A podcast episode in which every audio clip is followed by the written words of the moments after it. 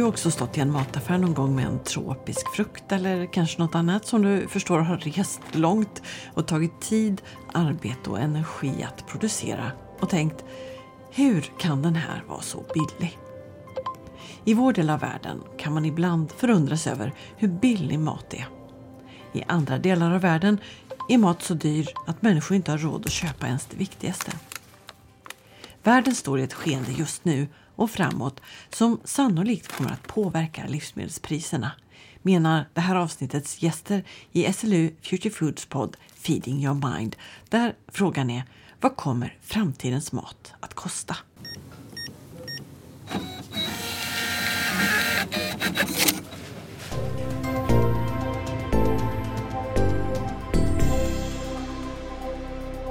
I november 2021 skrev Lantbrukarnas riksförbund, LRF, i en debattartikel i Aftonbladet att vi står med ena benet mitt i en klimatkris och att vi är på väg in i en begynnande global matkris då kostnaderna för att producera mat enligt LRFs debattinlägg fullständigt exploderat den senaste tiden. På branschorganisationen Livsmedelsföretagens hemsida sa deras chefekonom Karl Eckerdal tidigare i höstas att sedan sommaren 2020 har priserna på den globala spotmarknaden för centrala råvaror som vete, majs och sojabönor ökat kraftigt på grund av vad han kallar en perfekt storm. Så nu Karl Eckerdal ska du få förklara lite mer vad den här perfekta stormen handlar om. Ja, ja vi är ju förhoppningsvis i slutet av en, en coronapandemi där, där världens ekonomier eh, efter mycket djup svacka under inledningen av förra året har återhämtat sig väldigt starkt. Det är till och med så att med hjälp av väldigt billiga pengar och med hjälp av statliga bidrag och, eh, och, och så vidare så har man fått både konsumenter och företag att eh, på väldigt kort tid satsa framåt. Och man efterfrågar mer produkter eh, när det gäller allt från eh, olika typer av råvaror, bilar, livsmedel och så vidare. Vilket har gjort att just råvaror, transporter, elkostnader, förpackningsmaterial eh, och så vidare kostnaden för alla de här delarna har ökat väldigt kraftigt globalt. Och det innebär ju att också för svenska producenter av livsmedel så har kostnaderna väldigt tydligt stuckit iväg snabbt upp, uppför då. Och det är där vi är just nu. Och det här är någonting som vi talar om att eh, nu är det som står på tur att hända är ju att konsumenterna kommer att märka av det här tydligare det kommande halvåret egentligen. Effekterna av ökade råvarupriser det kommer vi se nu mot julen och sen under våren 2022. Vad gäller produktionen av matråvaror, transporter och konsumtion, skulle du säga att utvecklingen vad gäller pandemins påverkan blivit ungefär som du förväntar dig?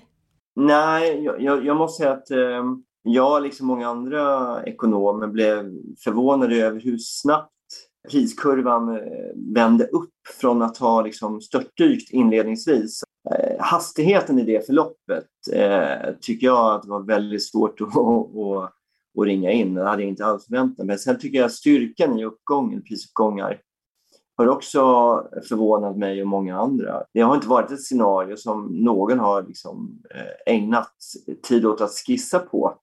Utan det här är en extraordinär händelse såklart. Mm.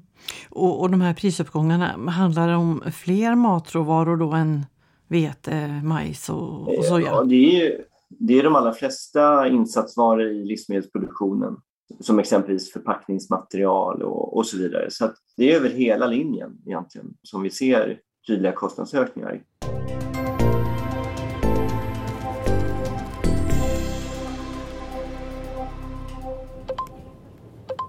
Ja, styrkan och snabbheten i de globala prisuppgångarna på matråvaror har förvånat oss ekonomer, säger Karl Eckerdal, chefekonom på Livsmedelsföretagen och konstaterar att ingen har skissat på det här extraordinära läget. Råvarupriserna på mat de har historiskt sett sjunkit över tid. Och ur svenskt konsumentperspektiv gick priserna ner tydligt 1995. Och du Carl säger att den svenska livsmedelsmarknaden har ett före och ett efter EU-medlemskapet. före vårt EU-medlemskap så var det inte ovanligt att eh, livsmedelspriserna kunde sticka iväg mellan 5 och 10, till och med mer procent enskilda år eh, då jämfört med året innan. Så det var en väldigt tydlig liksom, inflationsspiral inom eh, livsmedelsekonomin, liksom i övriga ekonomin. Sen har vi då en tid efter vårt EU-medlemskap eh, och då har vi ju en allmänt mycket lägre inflation på allt, men också livsmedel. Och vi hade ju initialt eh, väldigt gynnsam prisutveckling på livsmedel. Det blev billigare jämfört med året innan. De stora förändringarna det var att en svenska livsmedelsproducenter över natten vid vårt EU-inträde behövde konkurrera med ungefär 285 000 eh, producenter på, inom EU-marknaden. Men ur ditt perspektiv då, tycker du att mat hittills är för billig? Eh, ja, det där är ju, rent filosofiskt kan man ju undra om det inte är så att, att väldigt många konsumenter åtminstone värderar maten som en lågprisprodukt. Ehm, eftersom 25 till 30 procent av det vi tar med oss hem eh, hamnar i, i slasken. Och det är ju, tycker jag åtminstone, ett ganska tydligt bevis på att vi inte värderar livsmedel annat än som en slit och slängprodukt. Och det tycker jag att vi egentligen inte har råd med att hålla på på det viset. Du lyssnar på en podd från SLU Future Food.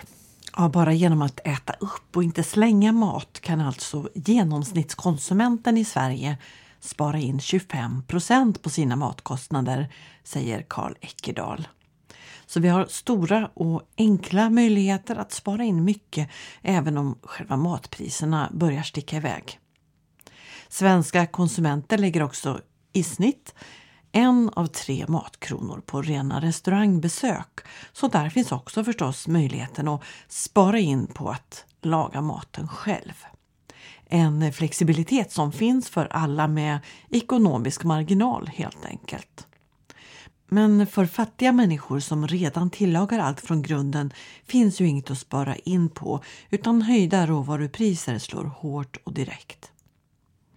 Men Karl Eckerdahl, hur ser råvarupriserna för mat ut i det långa perspektivet framåt?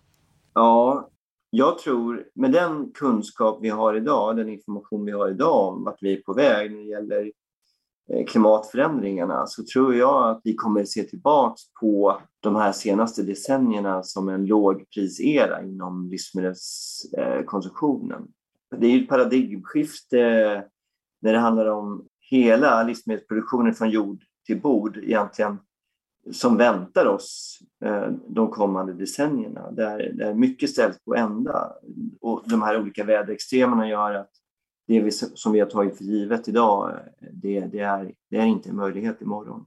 Och allt det där tillsammans kommer såklart att påverka utbudet av livsmedelsråvara, vilket då sannolikt gör att, eh, att, att kostnaderna, priset för olika typer av livsmedelsråvaror kommer att sticka iväg väldigt tydligt. Det är absolut min bedömning. Och vi har ju redan sett att när det skakar till, eh, när väderextremen slår till som det gjorde 2018, exempelvis med den torkan som slog mot norra Europa, inte minst.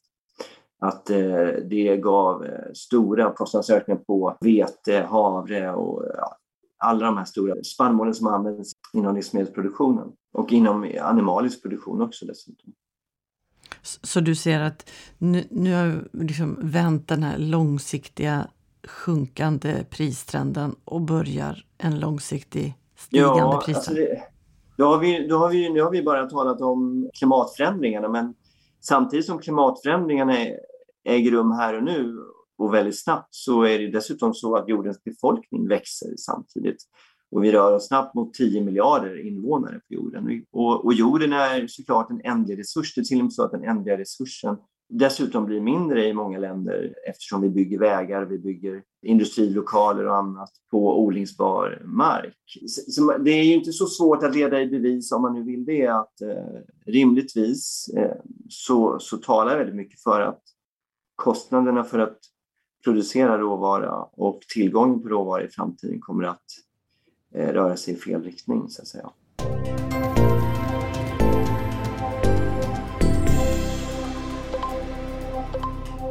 Så långt i Feeding Your Mind Carl Eckerdal, chefekonom på Livsmedelsföretagen. Och han säger alltså att vi nu är i ett paradigmskifte.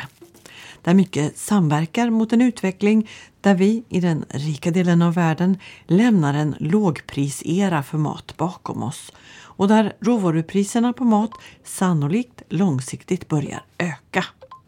Det i ljuset av pandemins påverkan på världsekonomin, de pågående klimatförändringarna med allt tätare förekommande extremväder som kan påverka skördar och andra förutsättningar att producera mat och världens ökande befolkning. Karl Eckerdal väntar sig nu inga dramatiskt ökande priser men ändå ett tydligt trendbrott eftersom råvarupriserna på mat globalt sett så länge blivit billigare. Man kan jämföra den här långsiktiga utvecklingen för matpriser med andra långsiktiga trender för sånt som vi också behövt genom decennier och sekler. Naturresurser som metaller, kol och olja. Och om man gör den jämförelsen, vad ser man då? Frågar jag nästa gäst i Feeding Your Mind, Rob Hart, professor i miljö och naturresursekonomi på SLU i Uppsala. Ja, en intressant fråga. Alltså, jag har forskat mer på det ena och mindre på det andra. Alltså mer på icke-biologiska naturresurser. Men det visar sig att de följer väldigt liknande trender historiskt och då pratar vi om 100-150 års sikt. Och de trenderna vi ser till exempel för råolja och för spannmål det är en långsiktigt nedåtgående trend till och med ungefär mitten av 1970-talet. Och sen ser vi mycket högre volatilitet och en tendens över tid till ökande priser. Och volatilitet är det här att det går upp och ner, upp och ner? Exakt. Och de här olika, väldigt olika sakerna då som råvaror och sånt vi äter och råvaror som vi har för energi och så, att de följs åt så väl, vad beror det på? Så det beror framförallt på att det är energipriset som är det drivande faktor i allting. Så sen kan vi prata, om du vill, om vad driver den, men energipriset driver i stor utsträckning priset på till exempel spannmål för att energi är direkt eller indirekt en otroligt viktig insats i spannmålsproduktion. Dels för att driva traktorer och så vidare, dels för att producera till exempel gödselmedel, framförallt kväve. Men vi kan lika gärna ta det ett steg bakåt till då. Vad driver energipriserna? Energipriserna, den här långsiktigt fallande trenden, det beror i grunden på en oerhört snabb teknologisk utveckling i energiutvinning. Att utvecklingen där går snabbare än genomsnittsutvecklingen i hela ekonomin. Det gör att de produkterna där det utvecklas teknologi snabbare än snittet, de sjunker i pris. Man kan jämföra med telekommunikationer eller telekomsektorn där vi också ser att det blir allt billigare för samma tjänst för att vi ser en otroligt snabb teknologisk utveckling. Så vi har haft en snabbare teknologisk utveckling inom oljeutvinning än snittet i ekonomin. På samma sätt har vi också haft i spannmålsproduktion. Om man gör ett litet tankeexperiment, hur mycket jobb persontimmar fick man lägga ner för ett ton vete 1880 jämfört med idag? Det är, det är stor skillnad. enorm skillnad. Mycket större än snittet. Så det driver den nedåtgående trenden. Det som har sen drivit upp priserna på energi, det är framför allt i ett ord OPEC. Det är marknadsmakt som vi säger i fackspråket, monopolmakt. För, för 70-talet, då, då, är det på den här oljekrisen då helt enkelt? Ja, då fattade vissa länder i världen vilka möjligheter de hade att tjäna mycket mer pengar genom att pumpa mindre olja och driva upp priset. Och det har de laborerat med ända sedan dess. De har inte obegränsad makt men de har stora möjligheter och vi ser det i deras hutlösa inkomster. Så det vi kan säga med stor säkerhet det är att den här marknadsmakten som jag nämnde hos OPEC och andra oljeproducenter det är i det långa loppet tillfälligt. Det är övergående för vi kommer ju att dumpa olja och stenkol såklart. Vi kommer inte att använda fossila bränslen överhuvudtaget om 50 år. Det är ju rätt säkert. Och då de här andra sätten, de moderna sätten att producera energi, de kommer inte att präglas av marknadsmakt alls på samma sätt. Du kommer att ha tusentals, tiotusentals små producenter av vindel och så vidare. Lyckas vi med produktionen och teknologin så kan vi förvänta oss en ny platå på en högre nivå.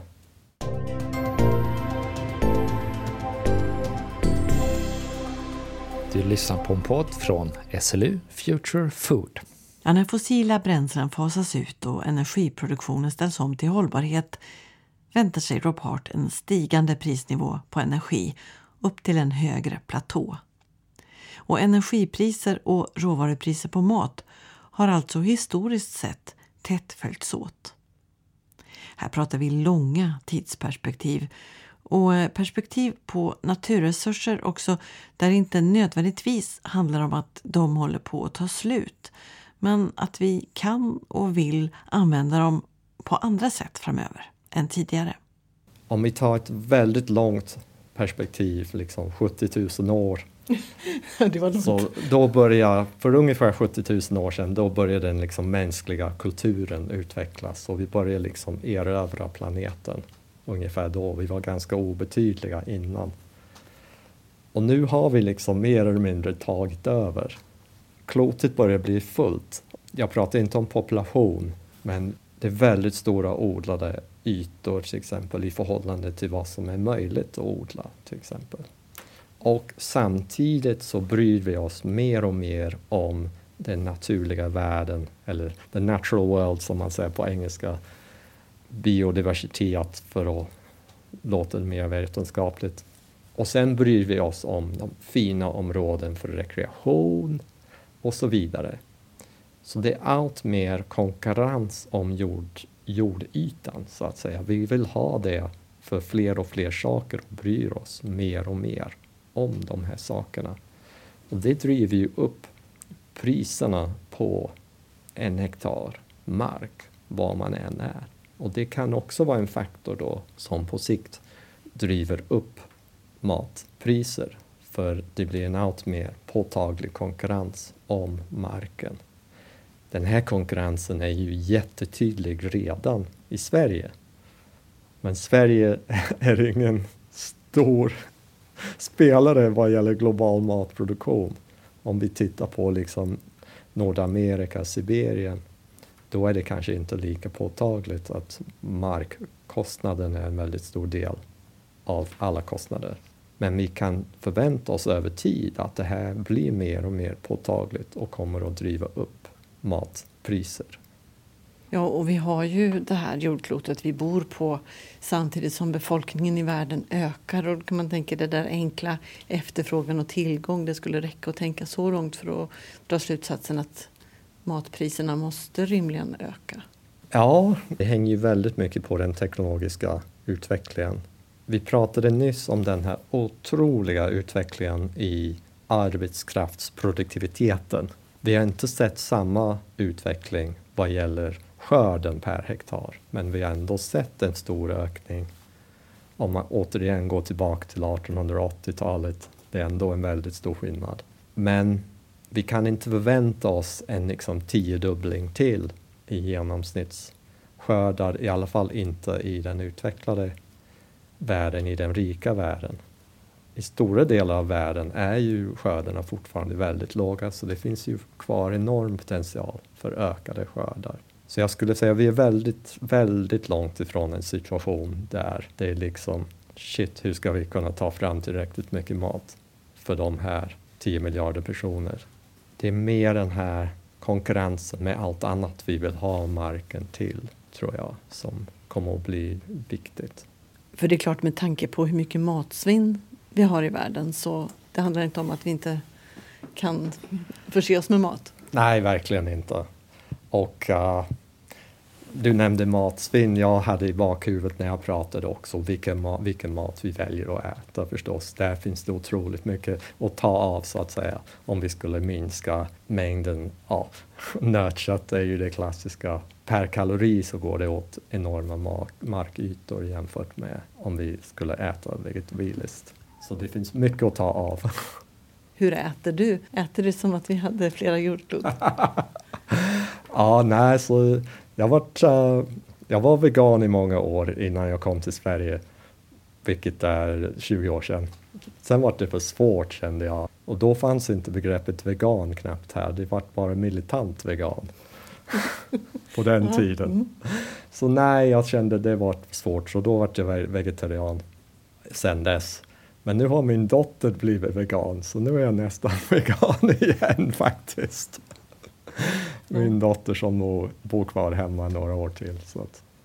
Men är det, tror du, din profession och vad du kan och vet som har styrt detta? Eller skulle du varit vegan även om du jobbar på bibliotek eller ja, nej, lärare? Rolig fråga. Det är lite som oljan och oljepriset och mat. Spannmålspriset. Det är faktiskt uh, veganismen som har drivit mitt val av profession. När jag blev vegan så höll jag på att plugga kemi. Men det var, det var liksom ett moraliskt ställningstagande som gjorde att bli vegan då. Egentligen handlade det mer, egentligen i stort sett uteslutande om djuretik på den för mig då. Sen blev det mer en kombination i och med det man har lärt sig sedan dess om klimatförändring och annat.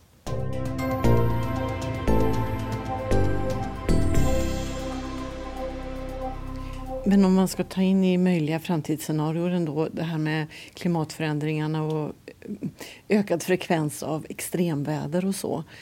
Hur kommer det, tänker du, att påverka eh, matpriserna? Är det platå vi pratar då eller ständigt stigande?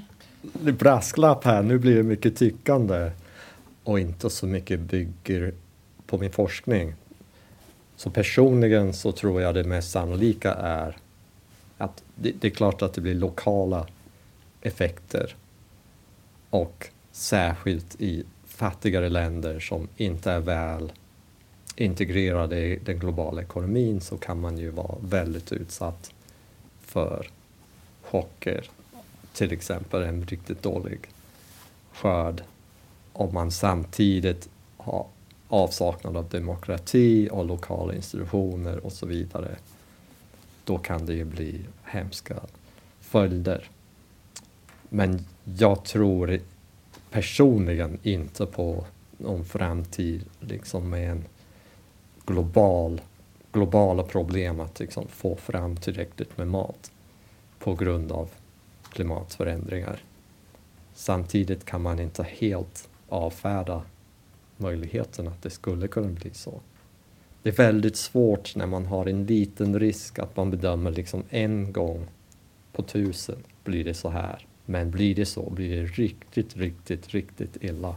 Hur ska vi göra då? Vissa skulle säga men då måste vi ge den, det scenariot väldigt stor vikt. Men andra skulle säga ja men det är så osannolikt. Det, det är en riktigt svår fråga och inga, inga lätta svar på sådana frågor.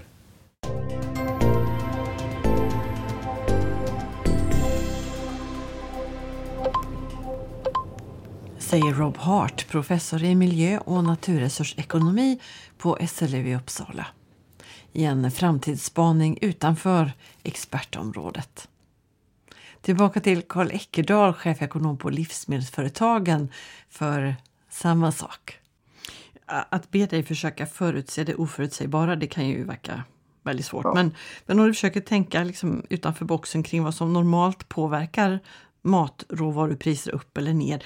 Kan du tänka dig liksom helt oväntade game changers här som får priserna på framtidens mat att påverkas på sätt som inte alls ligger i prognosen?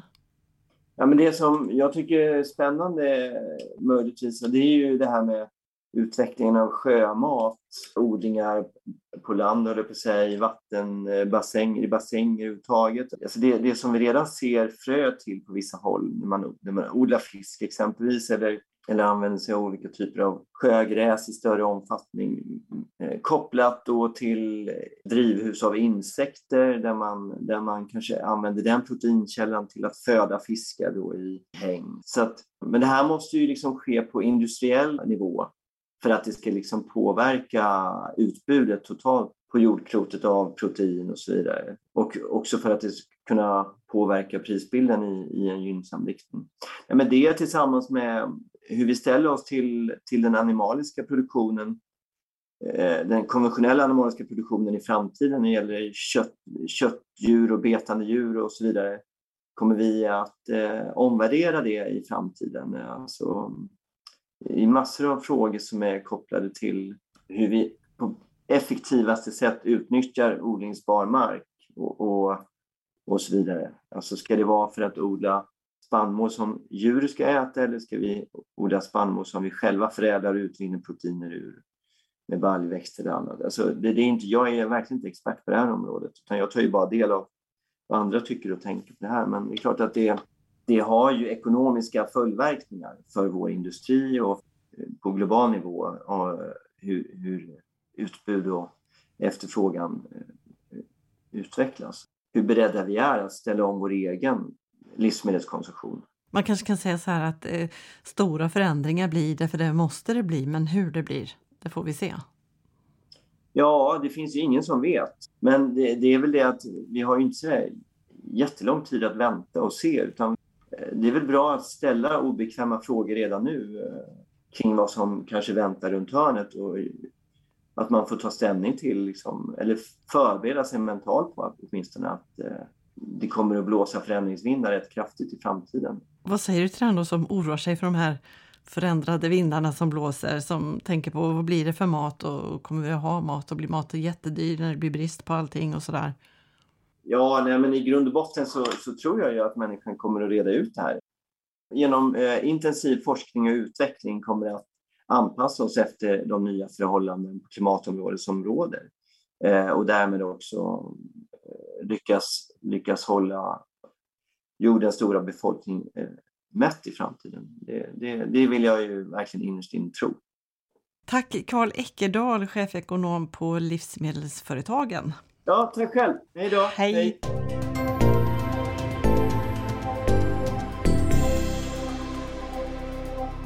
Ja, förändringens vindar kommer att blåsa kring både vad vi äter och vad maten kostar framöver, sannolikt.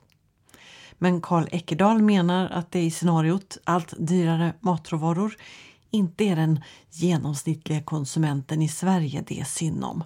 Vi har marginaler att betala mer för maten, menar han, och dessutom många olika möjliga vägar att välja för att spara in på våra matkostnader. Och Rob Hart, professor i miljö och naturresursekonomi på SLU, tycker inte heller att dyrare mat, eller för den delen lite dyrare energi, gör det synd om oss svenska konsumenter. Inte ett dugg, nej. Nej, det tycker jag inte. Och egentligen då, om vi tänker på fattiga människor i fattigare länder, de på sikt troligen får det bättre av högre matpriser för att de fattigaste i landsbygd är oftast nettoproducenter av mat. Det, det lilla pengar de har det kommer från deras matöverskott som de säljer i stan. Så blir det högre matpriser så får de lite mer inkomst.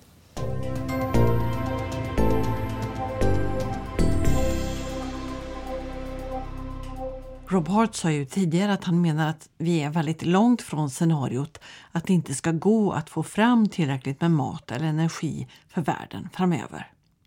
För jordklotet är ofattbart stort, liksom ofta tillgången på olika naturresurser och arealer för odling. Och att det skulle bli missväxt över hela världen samtidigt förefaller extremt osannolikt. Och han refererar till Hans Rosling, professor i global hälsa som ju blev känd som possibilist. Även om både matpriser och energipriser börjar stiga behöver inte det betyda att allt går åt fel håll. Jag är ju ingen Hans Rosling-expert men han visar på ett förtjänstfullt sätt att många av våra föreställningar om hur global utveckling slår, så att säga, inte är korrekta. Att man tror att det är bara vi i den rika världen som får det bättre och bättre, eller många tror det, medan den fattiga världen hamnar allt längre efter, så att säga. Men så är det verkligen inte. Liksom. Den snabbaste utvecklingen sker i de fattigaste länderna eller den andelen av de fattigaste länderna som har lyckats liksom hoppa på tillväxttåget och det globala ekonomiska tåget. Där ser man en enorm utveckling. Om man är med Hans Rosling och tror att liksom den globala utvecklingen och de trenderna vi har sett de senaste 50 åren är huvudsakligen helt fantastiska med vissa liksom skönhetsfläckar, då är det ju goda nyheter.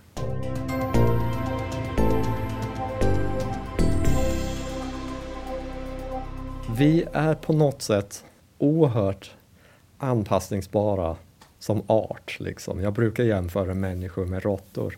Och när energi blir mer tillgänglig, då hittar vi nya sätt att använda det. Och det är det vi har sett de senaste hundra åren. Blir det mer knappt och går priset upp kraftigt, då hittar vi sätt att uh, använda mindre, så att säga.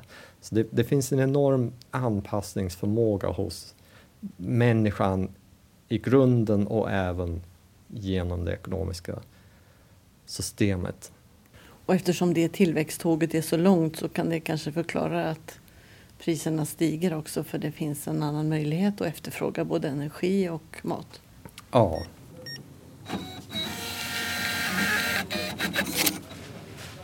Med detta sagt så säger jag välkommen till eh, sista gästen i det här avsnittet av Feeding your mind Helena Hansson, professor i jordbrukssektorns ekonomi på SLU.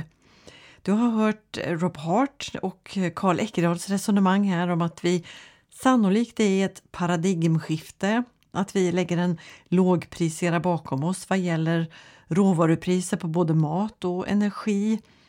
Vad är dina reflektioner kring det här? Ja, men jätteintressant att höra deras tankegångar här och eh, jag håller med att vi rör oss mot ett, ett paradigmskifte sannolikt. Eh, inte minst eftersom livsmedelsproduktionen behöver ställas om till att bli mer hållbar och det kommer kräva andra typer av energislag och det kommer kräva andra typer av kunskaper. Sannolikt kan livsmedelsproduktionen gå till att bli mycket mer kunskapsintensiv och på så sätt också mer kostsam jämfört med vad vi har varit vana vid när livsmedelsproduktionen till stora delar har drivits utav eh, tillgång på billiga fossila bränslen. Det, det, är lite en ny världsbild helt enkelt som närmar ja, sig. Ja, precis. Mm. En annan aspekt av vad råvaror kostar, om det så handlar om energiråvaror eller matråvaror, det är om det finns externaliserade kostnader kring det här. Mm. Om du skulle förklara, vad, vad är detta för något? Ja, precis. Inom ekonomiämnena så pratar vi om externa effekter i produktionen. Man tänker sig rent teoretiskt en marknad där säljare och köpare möter varandra. I livsmedelsproduktionen ser det ju sällan direkt så ut utan vi har en, en lång eh, livsmedelskedja. Men i princip kan man överföra resonemanget även på livsmedelsproduktionen. Så säljare och köpare möter varandra och eh, betalar ett pris för en vara när marknaden kommer fram till vilket pris som ska vara marknadspriset på varan så tar marknaden hänsyn till å ena sidan producenternas kostnadsstruktur och å andra sidan konsumenternas betalningsvilja. Men sen kan det vara så att det uppstår kostnader för tredje part och det kallar vi för externa effekter i ekonomiämnena. Det kan handla om att produktionen går till på ett sådant sätt att eh, marker förorenas, att man med produktionen bidrar till eh, instabilt klimat och så vidare. Och det är en kostnad som hamnar på samhället, en samhällelig kostnad som påverkar tredje part, då, alltså personer som inte nödvändigtvis är med i, i marknaden. Eh, och på motsvarande sätt pratar vi också om positiva externa effekter. Och det är inom livsmedelsproduktionen exempel då bidrar till biologisk mångfald ta naturbeteskött som ett exempel, det bidrar med positiva effekter på biologisk mångfald. Och ehm, De här effekterna tas inte alltid hänsyn till när marknadspriset sätts och på så sätt så får vi en produktion som understiger det som vore mer samhällsekonomiskt optimalt.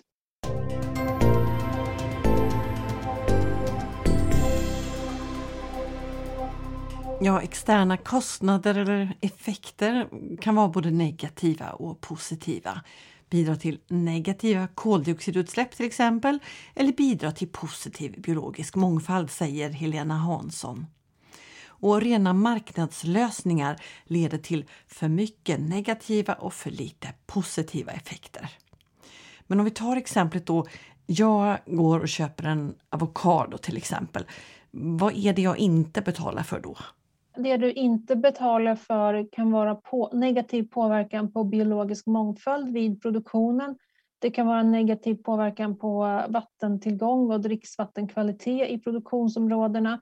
Eh, det kan vara negativ inverkan på ett stabilt klimat där produktionen sker. Det finns precis samma mm, tankesätt kring energiproduktion. Ja, absolut. Och energiproduktionen är ju ett ett väldigt tydligt exempel, speciellt den fossila eh, energiproduktionen är ju extremt tydligt exempel på en användning av en produktionsfaktor då, som har en, en tydlig negativ extern effekt. Kan man så bara rakt av säga att långväga mat, alltså mat som har rest långt, i sig då har externa kostnader Ehm, det kan de ha om, produ om eh, produktionen och eh, transporten sker på ett sådant sätt att de medför eh, negativa externa effekter. Men man måste också tänka på att även lokalproducerad mat kan ha negativa externa effekter beroende på hur produktionen går till. Ehm, om vi skulle producera här i Sverige till exempel exotiska frukter i fossilt uppvärmda växthus, då skulle det också innebära negativa externa effekter genom påverkan på klimatet exempelvis. Hur ska man förstå då att vi har hamnat här och inse bakåt att ja, men här är ju massa kostnader som ingen har betalat för? Ja, det är en bra fråga. Vi tar inte var och en av oss hänsyn till vilken påverkan på klimatet vår konsumtion av livsmedel har när vi går och väljer i butik. Eh, delvis på grund av att vi tidigare inte visste helt enkelt. Och, och, nu kanske av andra anledningar. Men det går liksom inte längre att bortse från detta där vi befinner oss idag, kan man säga så? Nej, precis. Och nu har också både kunskapen forskningsmässigt ökat men även den allmänna kunskapen har ökat så att vi har fått en större förståelse för vad det, vad det är som händer helt enkelt. Om vi nu då är i ett skifte där priserna börjar gå uppåt, är det inklusive eller exklusive de här kostnaderna? Alltså ser du framåt att externa kostnader är på väg att bli interna kostnader och räknas med? Det, det beror på skulle jag säga. De, de prisökningar vi ser nu innefattar inte att de externa effekterna börjar, börjar räknas in utan det drivs av andra saker. Om de här effekterna kommer tas med i framtiden eller inte, det beror väldigt mycket på hur, hur vår livsmedelspolicy kommer se ut. Jag tänker att det är, det är ganska kontroversiellt också. Vi, vi pratar i det här läget till exempel om köttskatter. Man skulle kunna tänka sig att vi får en, en politik som styr mot den typen av monetära styrmedel för, eh, för negativa externa effekter i livsmedelsproduktionen. Eh, men jag tror att det ligger ganska långt fram i tiden Eh, det som skulle behöva ske är att man börjar prata i samhället om de här kostnaderna, att man börjar prata om styrmedel för dem. Och det sker ju naturligtvis redan till viss del, men debatten skulle behöva intensifieras. Och sen handlar det också om en acceptans för styrmedel som innebär att man internaliserar de negativa externa effekterna av livsmedelsproduktionen. Samtidigt tycker jag det är viktigt att understryka också att livsmedelsproduktionen har positiva externa effekter eh, och att de skulle vi också behöva fundera mer kring hur vi kan stötta upp produktionen av, kring, av från policy. Till exempel livsmedelsproduktionens bidrag till förbättrad biodiversitet till exempel. Hur får vi mer av, av sån produktion och hur styr vi bort ifrån produktion som har negativ inverkan på biodiversiteten?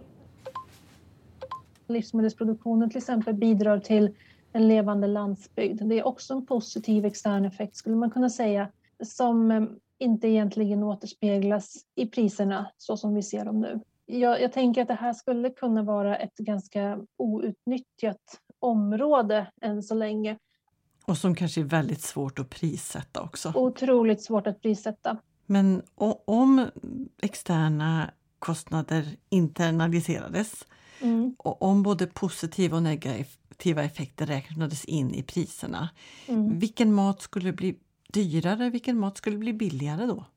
Ja, det är en väldigt bra fråga. Jag föreställer mig att eh, mat som kommer från intensiva system skulle bli dyrare. Det handlar till exempel om konventionellt nötkött, konventionell eh, mejeriproduktion skulle bli dyrare medan eh, naturbeteskött skulle kunna bli billigare. Ekologisk produktion som bidrar till biodiversiteten skulle kunna bli billigare som mejeriprodukter från ekologiska system skulle kunna vara billigare då. Lite tvärtom, för nu pratar man ofta om ja. mervärden som gör det dyrare men det här skulle ja, då exakt. göra det billigare exakt. helt enkelt. Ja, Exakt, och det handlar ju om att eh, från ett samhälleligt perspektiv, om man tar hänsyn till alla de här positiva och negativa effekterna, så skulle vi ju minska både produktion och konsumtion av sånt som bidrar negativt till ett stabilt klimat och till biodiversiteten, medan vi skulle öka produktion och konsumtion av sånt som bidrar positivt